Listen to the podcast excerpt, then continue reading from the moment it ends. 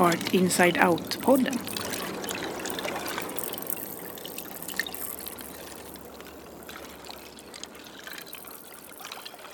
So I'm interested in the public secret um, as a way to tap into sort of local knowledge or psychic um, knowledge that people are aware of and they move around or they think about, but don't necessarily vocalize or acknowledge all the time.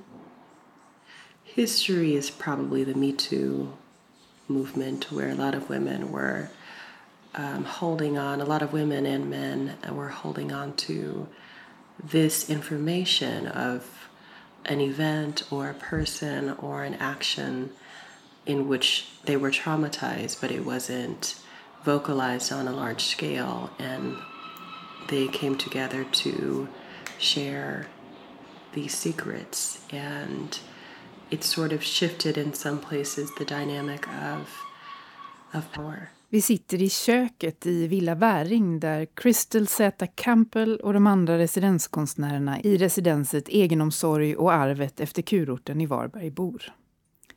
Crystal Z. Campbell är en afroamerikansk konstnär baserad i Tulsa, Oklahoma. Hon arbetar med film och video och ofta låter hon arkivmaterial och påhittade berättelser mötas. Public Secrets är hennes huvudspår. Hemligheter som vi har tillsammans och som vi tillsammans har att vinna på att inte avslöja. Eller hemligheter som dominerande grupper i samhället har att vinna på att inte avslöja. Som metoo-rörelsen. Det här är en av de varma dagarna. Vi har ett fönster öppet och utanför fönstret hörs fåglar. So would you say then that you are looking for public secrets or trying to reveal public secrets? I think it's been tricky. Um, I did go around with one of the teenage translators, and we went around and sort of collected secrets. But it was interesting because the people we approached, a lot of them told me that they had no secrets. What do you think about that? I think it's, you know, I think it's something in which I have to sort of question the way that the the approach is given to the person because I think, you know, we can't ask directly because who will who will share like this, but also I think because she's someone from town and people know her and she was making the ask that it's a different um, way of asking, whereas she also introduced me as an international artist collecting public secrets. So maybe that also incited some fear that their secret would be broadcast on an international level of some sort, of some capacity. Um, so I think there has to be a different uh, approach, and it was very different in the way that people handed their secrets over. Like their friends were, a lot of people didn't mind if their friends read their secret, or they didn't uh, ball the paper up. They just left it open so you could still read it as they put it inside of the container. Um, whereas in the States, some people, I did this over 10 years ago, it was 11 years ago, as a resident at Vermont Studio Center, and people were really, you know, trying to disguise their handwriting and asking me if I could type it because they didn't want their handwriting recognized if someone were to see it. Um, and very, you know, the approach to it was much more sort of, uh, they had seemed to have a bigger investment in sharing something. But I'm not sure what that means in terms of my position here, being from somewhere else, um, and my position in the States. So that's something to be explored further, I think. Hmm. But uh, in general, sharing secrets, I mean, uh, um, if I understand you right about the public secrets, it's also that we don't we don't even recognize them in a way uh, as secrets. So, what's the method of bringing them out? How can you how can you bring out a public secret? Well, what's been interesting in this process is that sometimes I will say, "Oh, I'm collecting secrets." and you know this is the project but the person that i'm speaking to um, in a few occasions here has just told me the secret, but they didn't want to write it down. So they just sort of they wanted it to be shared and they wanted to speak it, but they didn't want it to be documented. So I think there's something about that that allows the secret to continue going on. What would you say is the difference between a public secret and an individual secret? An individual secret is also a public secret, right? We are we're all in a network or community of people. And we hold these secrets because sometimes we fear what other people might think of us, how they might judge us, or how they might render the narrative. Crystal gav sig ut i Varberg tillsammans med en tonåring som har hjälpt till med översättning för att samla in hemligheter. Men många menar att de inte hade några hemligheter. Jag tror att det var en för direkt fråga. Eller kanske ett annorlunda sätt att fråga, säger hon. Att det kanske var därför som de var så obekymrade över att dela med sig av sina hemligheter och att det inte gjorde dem något att deras vänner läste vad de skrev och lämnade in. När jag gjorde samma sak i USA, i Vermont, var det helt annorlunda. Ingen ville att någon annan skulle se. Kanske handlar det om att jag inte är härifrån, funderar Crystal. Men hur lockar man fram en offentlig hemlighet, undrar jag. Ofta när jag säger att jag samlar in hemligheter så berättar människor. De vill dela, men de vill inte att det skrivs ner. Så kanske gör det att hemligheten ändå stannar där den är på något sätt. En människas hemlighet är en offentlig hemlighet, säger Crystal. Vi hänger alla ihop i ett stort nätverk. Vi behåller våra hemligheter eftersom vi är rädda för vad andra människor ska tycka om oss, hur de ska döma oss. I've been more interested in fiction than I have in truth, but a sort of fiction that has been um, a sort of fiction that can function like a documentary film in a way, in which that uh, there could be certain truths that are explored, but what you're experiencing as an audience or someone who's watching doesn't necessarily have to be as truthful in image as any historical account, which we don't have an image of. Hmm. And so we do that all the time, make up fictions about each other. I think that we are we are interested in in truth and we are interested in fiction. We we are, are very supportive of fiction in books and movies and um, you know television and oral um, narratives that we share amongst each other and rumors and gossip. Um, and we need both actually. We just need stories, I think we need stories to sort of proclaim our existence and to justify things and to keep each other sort of interested and incited by each other's company.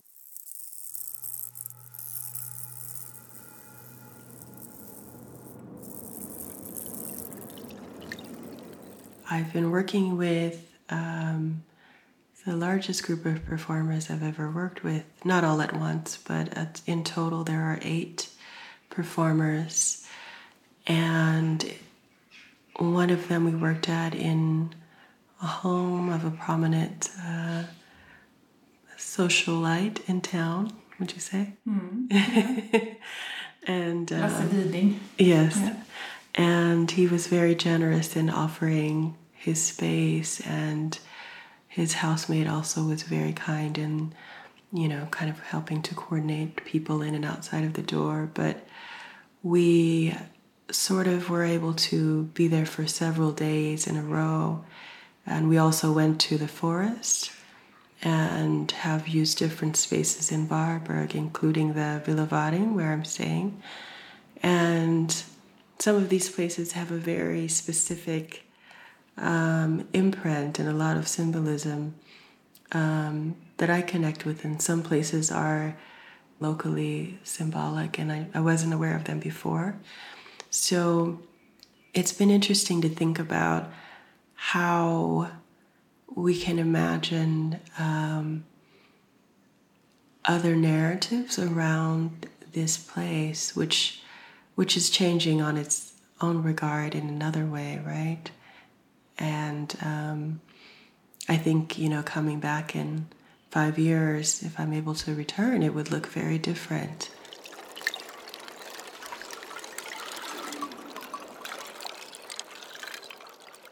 I'm very sensitive to, to different sites and to space.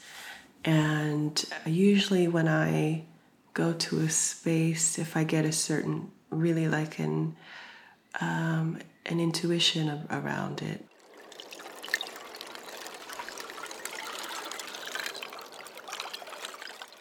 and it strikes me, then I know I want to return and and think about what could be there, who could be there, what could happen in this space.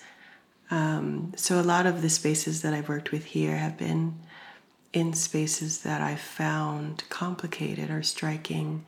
It's not always a beautiful space, even though, you know, of course, for a film, you try to make it look beautiful. Like sometimes it's just the beauty and the complexity and the um, the layers in the space that, that are beautiful, that are hard to actually sometimes relay on a film reel or to show in a frame, you know. Vi behöver fiktionen lika mycket som sanningen för att inte tappa intresset för varandra. Se bara på hur starkt intresset för tv-serier, film och skvaller är.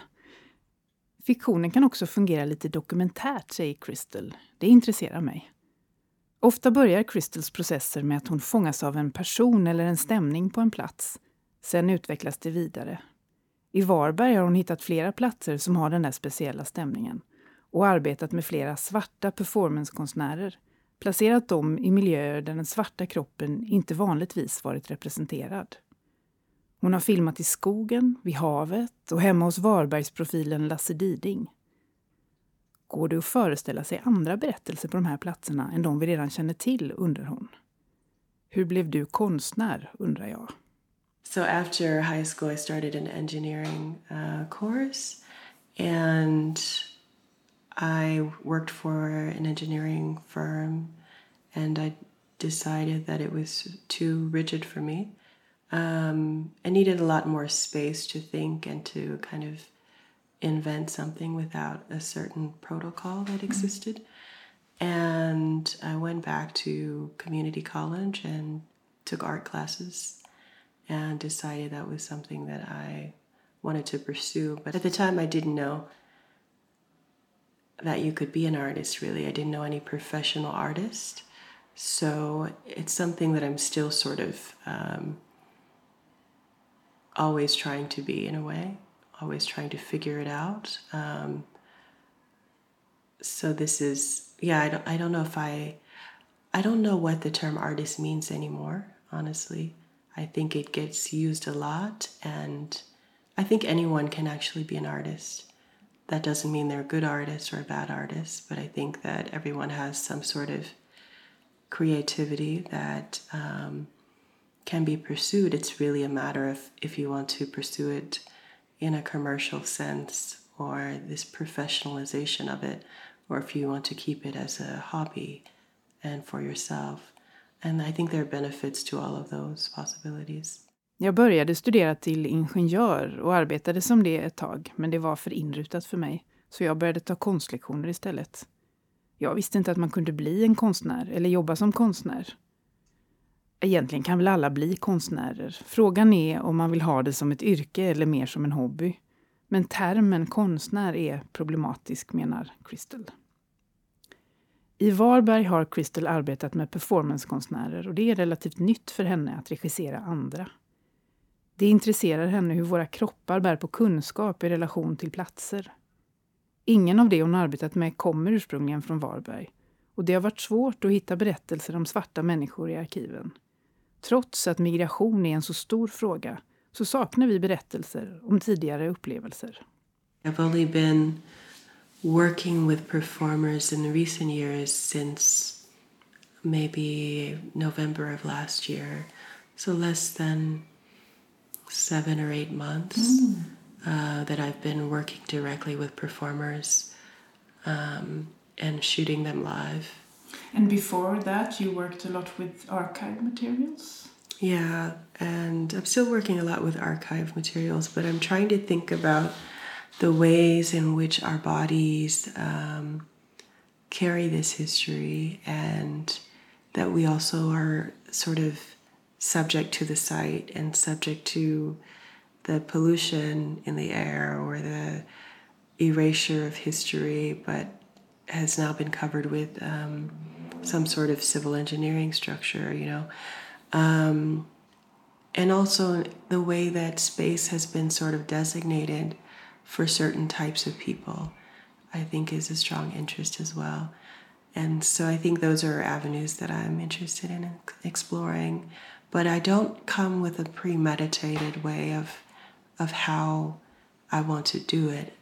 I sort of go to the site and I'm every site has a certain type of energy, so I'm responding directly to that energy. Going through the archives and talking to some of the archivists in former meetings, we were speaking a lot about uh, the presence of a black history in Varberg, but that it hasn't really been noted or there wasn't much information about these individuals that have lived here, passed through.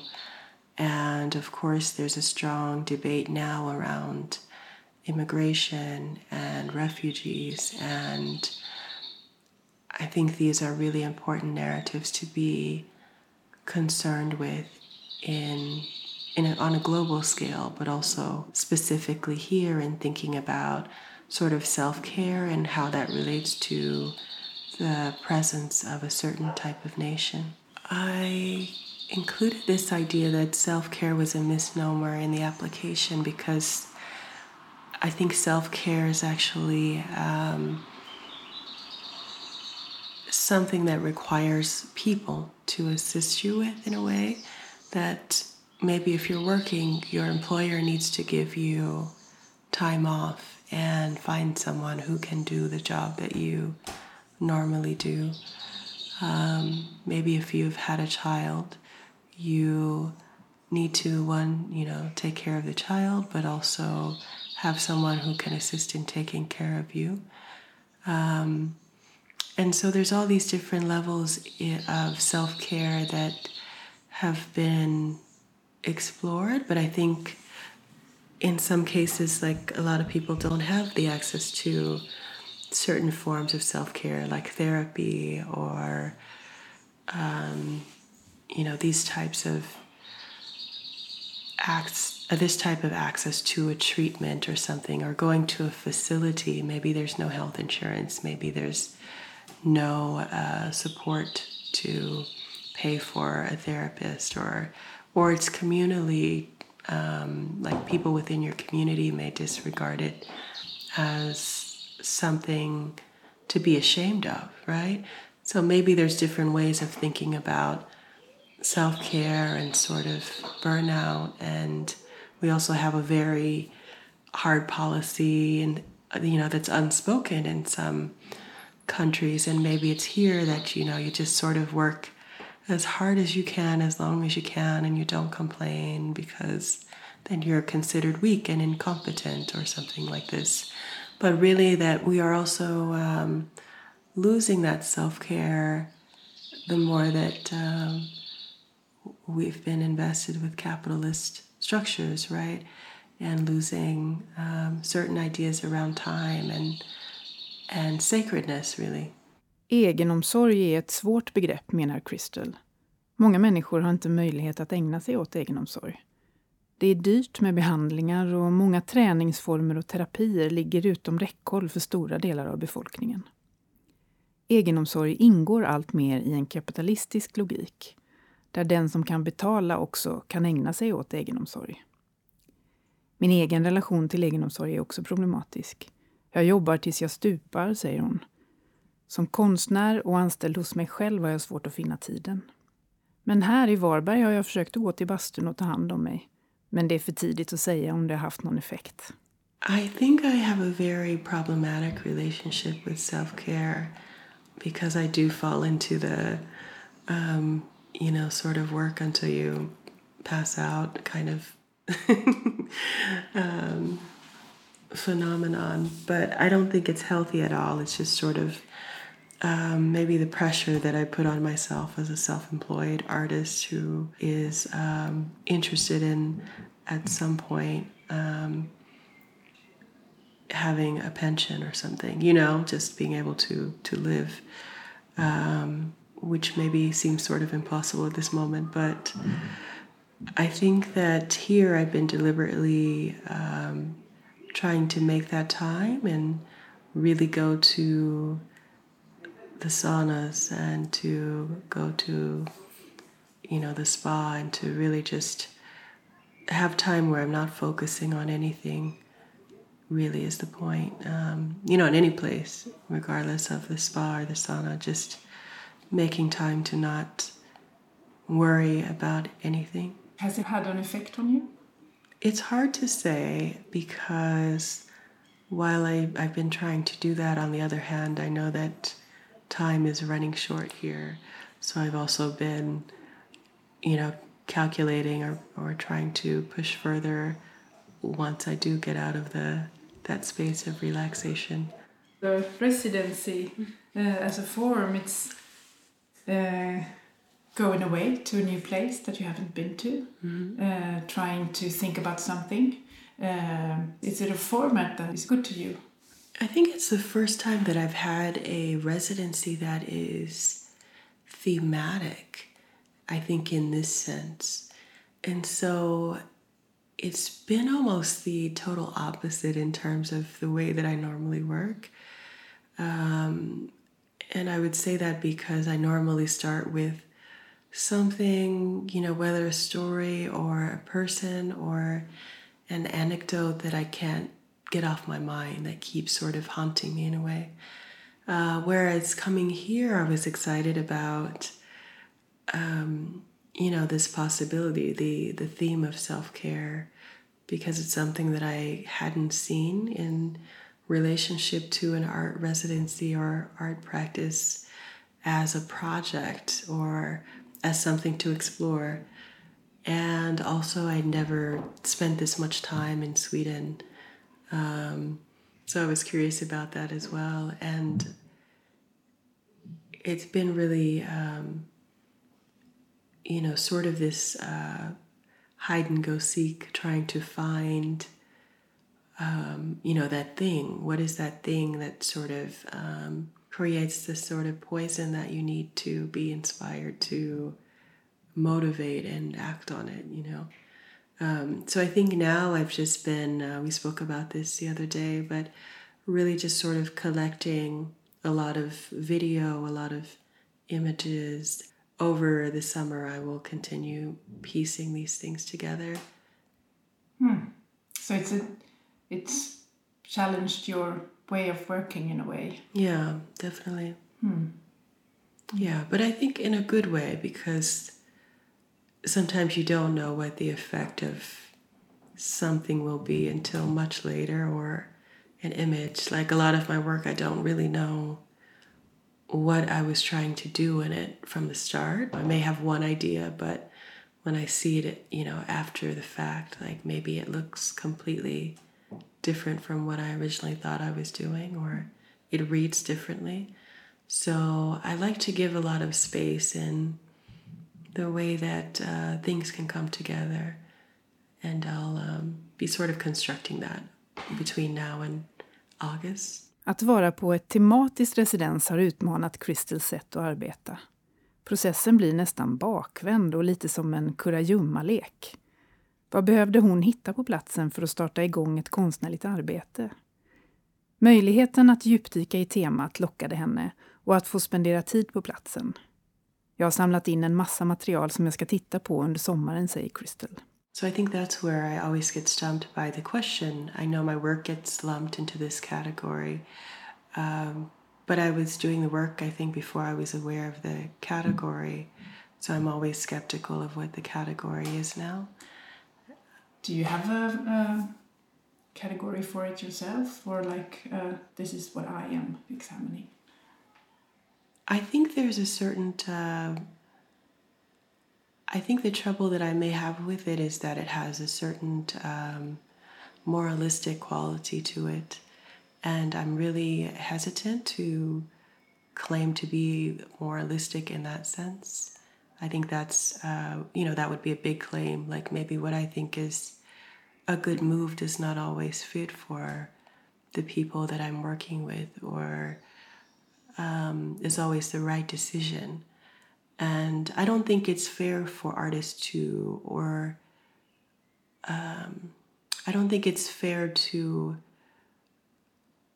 to label artists in this way, in a way that presumes they can only do good, because you can see a lot of artists have actually done um, have approached that in different ways to explore what is good and the, the levels of of goodness. So that would be the question of responsibility then. Yes. If you have a social responsibility.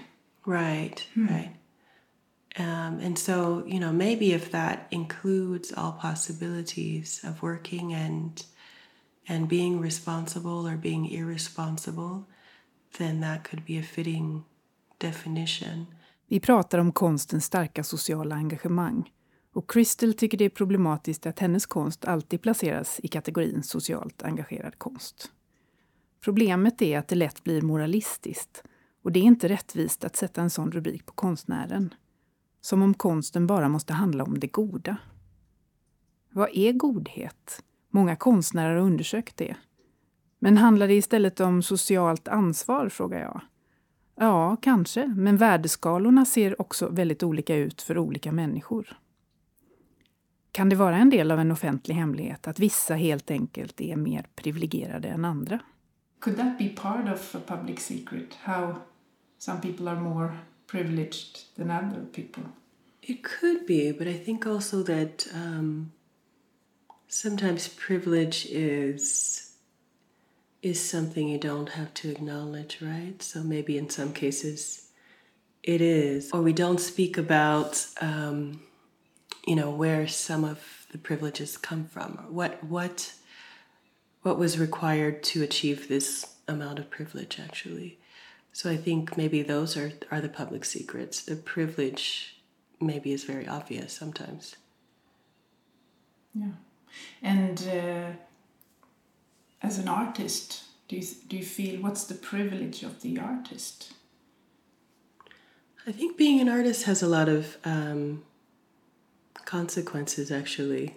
And I think that um, it's interesting to see what is happening with creative capital and the way that artists are being sort of framed and thought about um, and thought about in terms of fulfilling some sort of social mission now and to think about positions that were once requiring some sort of professional training that they're being handed over to an artist to sort of work through uh, who has no specific training relating to these communities. Um, and I and so it's interesting to think about um, this sort of privilege an artist may have in this type of scenario, but also, uh, you know, artists can also do a lot of damage in this case, right?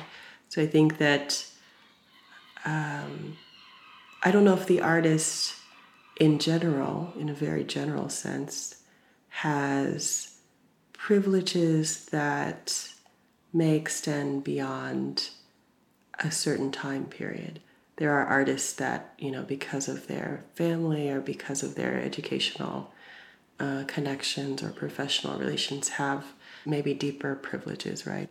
I'm not sure um, all the time of what the privileges are of being an artist. I think that sometimes it's framed as privilege even though you're there to do a very specific job and perform a very specific task that looks good for whatever organization or um, institution has put you on to this particular mission, right? So I think that that's something to always be questioned is, is what is the privilege in this? Um, and also how to make it something that is is your own and and actually um, falls in line with your principles. Jag frågar om konstnären själv är en privilegierad person. Att vara konstnär har många olika konsekvenser, säger Crystal. Inom det sociala fältet kan konstnären också göra skada om arbetet egentligen kräver en annan och mer särskild kompetens. Det finns förstås konstnärer med kontakter, pengar, privilegierade familjebakgrunder.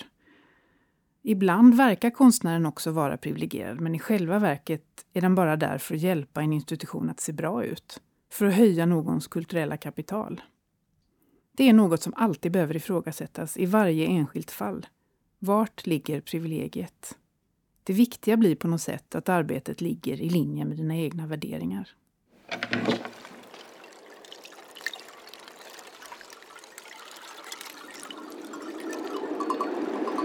Du har lyssnat på ett samtal mellan Crystal Z. Campbell och Petra Johansson. Det går att fördjupa sig i hennes arbeten i Art Inside Outs journal på artinsideout.se. Jag som klippt podden heter Helena Persson.